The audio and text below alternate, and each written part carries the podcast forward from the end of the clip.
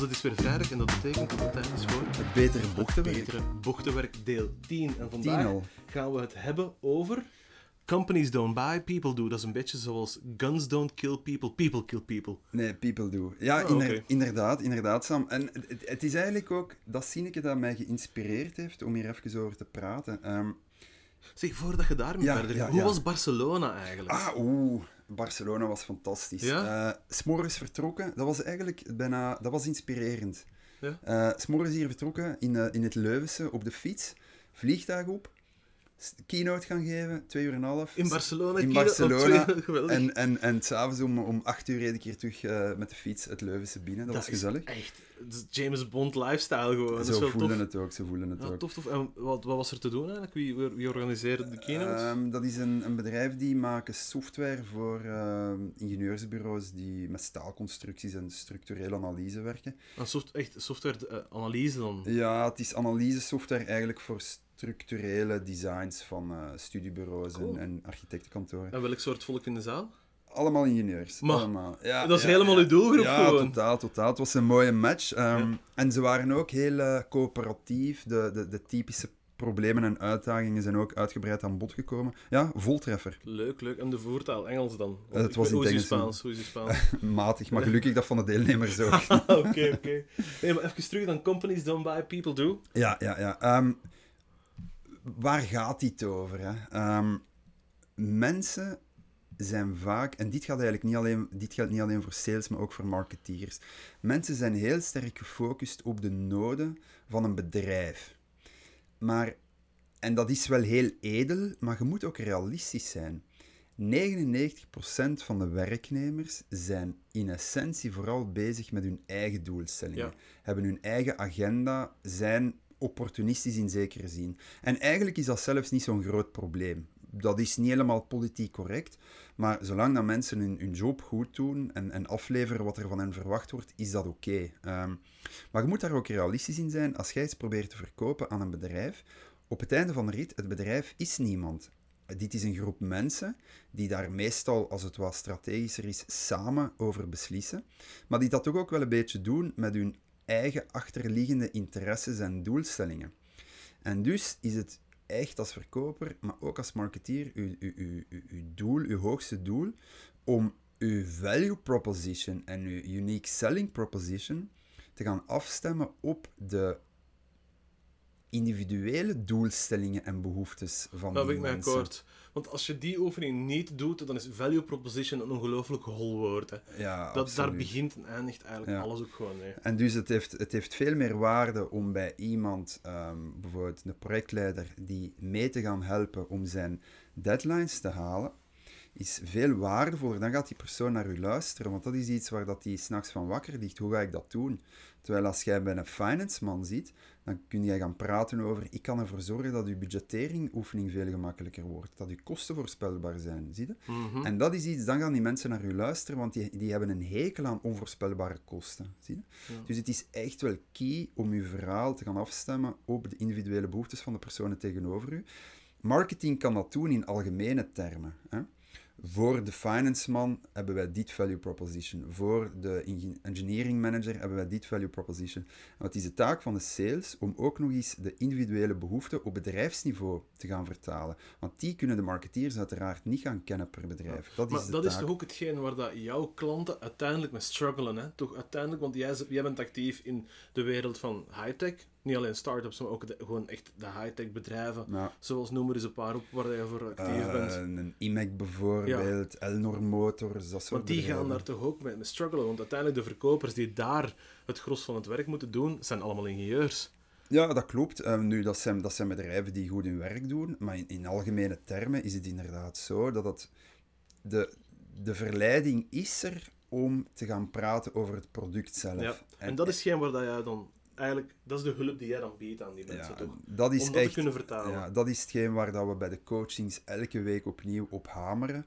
Stop met over uzelf te praten, stop met over uw bedrijf te praten en zelfs stop met over uw product te praten. Mhm. Zeg, vertel die mensen één per één wat dat je voor hen kunt betekenen om hen, hun leven makkelijker te, ma- te maken en hun doelstellingen bereikbaarder Dat te is een maken. value proposition, daar ben ik helemaal mee akkoord. Oké, dan de value sweet spot. Ja, dat Want vind ik... dat ik op het bord zien staan toen ik er daar straks binnenkwam, interesseert me mateloos. Ik heb nog nooit gehoord, Ja, de ah, value sweet. Ah, wel, dat is- En ik ben een value proposition marketeer geweest. Ik, ik, heb, ik, heb, ik begrijp dat je dat niet hebt, dat je dat nog nooit hebt gehoord, want ik heb die term zelf uitgevonden. Oh, als een, als, zoals het een echte keynote speaker betaamt, Hans. Ja, ja, ja. Ik, ik, laat mij, sta mij toe om dat even toe te lichten. De value- lieve mensen van het internet, jullie hebben het woord voor de eerste keer hier op het Betere Bochtenwerk gehoord. dit is een primeur. Dus binnen dit en tien jaar op de TEDx eh in Las Vegas. Nee, wat, wat is de, de value sweet spot? Kijk, ehm, als je kijkt naar value, ehm, heb je eigenlijk een soort hiërarchie, een logische opbouw, die begint met een, een, een, een specificatie, een eigenschap van je product, bijvoorbeeld een, een, een toerental, dat zich dan vertaalt in een soort product benefit, bijvoorbeeld dit is een snelle machine. Dat zich dan vertaalt in, ehm, dankzij die snelle machine kun jij eh, meer klanten per uur gaan bedienen enzovoort. En dan gaan we langzaam stijgen, want dat heeft als gevolg dat de sales director zijn doelstelling gaat behalen. En dat heeft als gevolg dat de- die daardoor ehm, op het einde van het jaar zijn bonus gaat binnenhalen, waardoor dat die luxueuzer kan gaan leven, waardoor dat die gelukkiger zal zijn. Dat is een beetje, ik bedenk het nu luid op, maar dat is zo'n typische ladder van logische stappen als gevolg van eigenlijk een eenvoudige productspecificatie. Ja. Nu is het heel belangrijk dat je zowel in sales als marketing op het juiste niveau in die ladder mikt. Want als jij binnenkomt met een softwarepakket bij een klant of met een, een, een machine met een bepaald toerental en je vertelt tegen die klant, kijk, ik ga je gelukkig maken, dan gaat die mens zeggen, dit zijn holle saleswoorden, bol het Yes. af. Hè? Terwijl als je, je moet eigenlijk, en dat is wat ik de sweet spot noem, in die ladder van logische events, in de value chain, maar dan value chain in deze betekenis, moet je op het juiste niveau gaan mikken. En dat is het niveau waar dan mensen echt geïnteresseerd gaan zijn. Oké, oké, wacht, wat kunt jij voor mij betekenen? En die stappen die daarboven zitten, die zullen ze heel makkelijk zelf in hun hoofd maken. Ja. Zoals ik al heb aangegeven, mensen zijn opportunistische wezens. Zij vertalen wat jij vertelt echt wel graag naar hun eigen voordelen. Ja, dus je kunt het ook een beetje vergelijken dan met het moment dat je de klant zijn, eh, zijn pijn oplost, of zijn pijn bl- blootlegt. Ja, Van het moment dat de klant zichzelf realiseert van, hé, hey, maar wacht eens, dit gaat mij twee dagen in de maand besparen, Juist. of een dag werk per week Juist. besparen. ja. Dat is de value. Ja, maar bijvoorbeeld, waar dat je wel voor moet opletten, is als je te hoog mikt, als je er bijvoorbeeld tegen een klant zegt, ik ga ervoor zorgen dat jij je, je bonus haalt op het eind van het jaar. Een aantal van die hoger liggende values zijn ehm, niet altijd heel politiek correct om uit te spreken dat dat je doelstelling is. Dus mensen gaan, dat, mensen gaan dan niet graag toegeven van, oh ja, want dat is het belangrijkste in mijn leven, is mijn bonus. Mhm. dat gaan, dan gaan ze in verdediging gaan. Dus je moet laag genoeg gaan en laat hen zelf in hun hoofd de link maar leggen, oh, dan kan ik mijn bonus halen. Yes. Over bonus gesproken. Moeten we het dan ook niet over prijs hebben dan en zo. Oh ja, ja. Dat, dat brengt ons bij de, de held van deze week, denk ik, Sam. Is er, wat? Ja, ja. Ah, ik was niet mee. Ja, ja, ja. oké. Ik, ik, ik, ik heb een goeie. Ehm een van de gasten die ik aan het coachen ben, stuurt een offerte uit naar de klant en zet zijn komma verkeerd. Oh nee. Maar in, In zijn, welke in richting? zijn Oké, voordeel. want links of rechts? Factor 10 meer dan wat ze normaal vragen.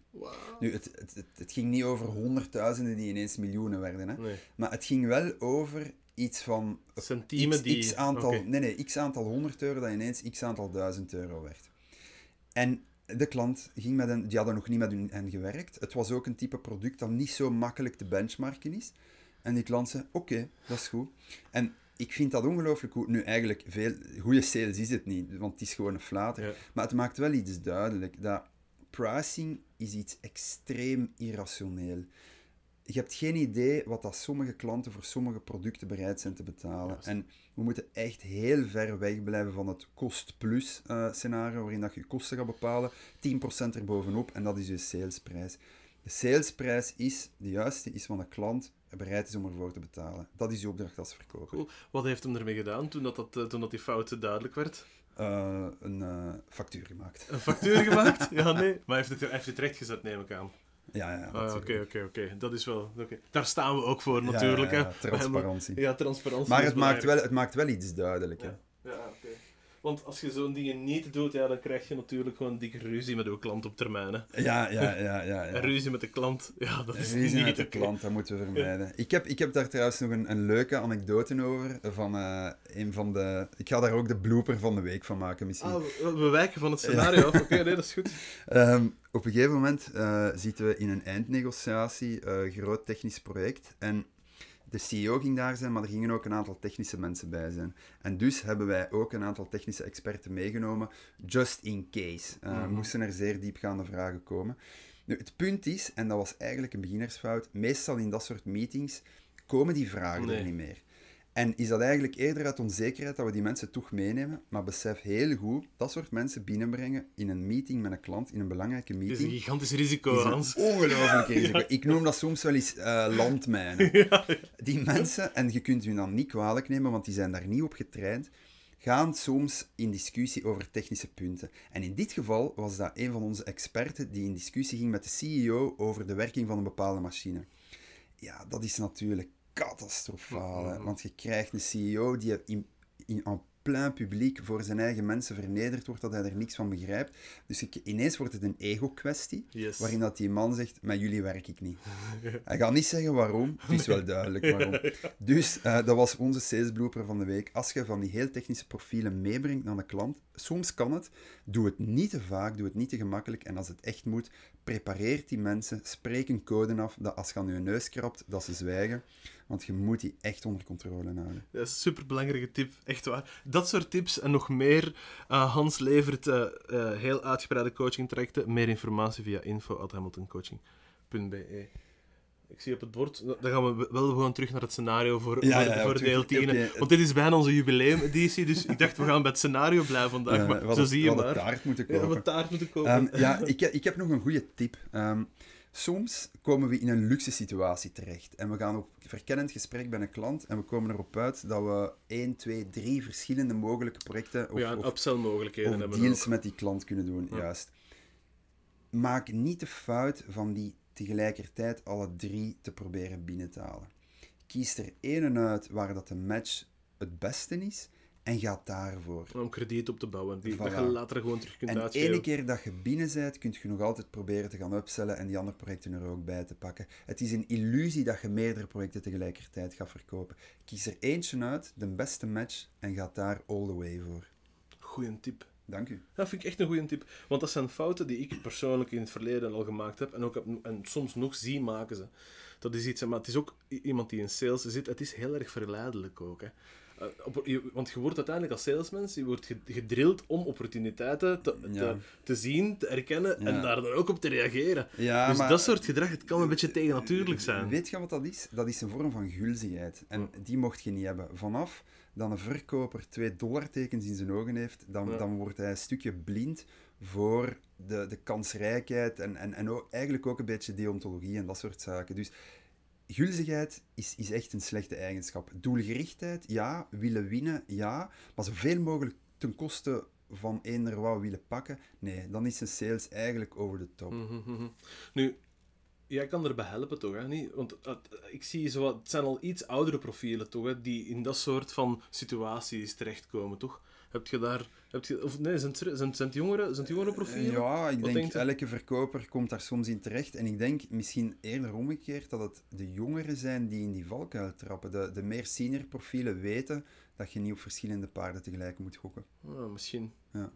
ik heb het toch al, ik heb de, ik heb de twee doelgroepen toch al Ja, maar die dingen zien doen. Ik, ik moet daar ook bij zeggen, ik ken, ik ken senior salesmannen die al twintig jaar in de sales zitten. En als ik ze bezig zie, denk ik... ehm, Kom eens langs. ja, kom, misschien toch nog eens even kom, bezoeken. Kom eens langs, oké.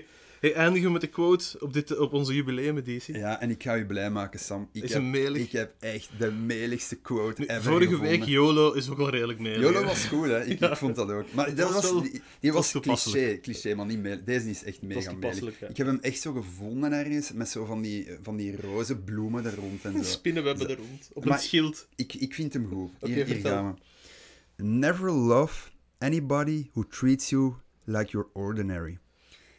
Is dat een salesquote, Dat Hans? is, ja, en ik ga hem nu vertalen dat, lijkt me, sales. dat lijkt me relatietips. Wel, het komt ook uit, uit, uit die wereld. Maar je kunt dat perfect vertalen. Een, een klant tussen u, een leverancier, en een klant, dat is ook een relatie.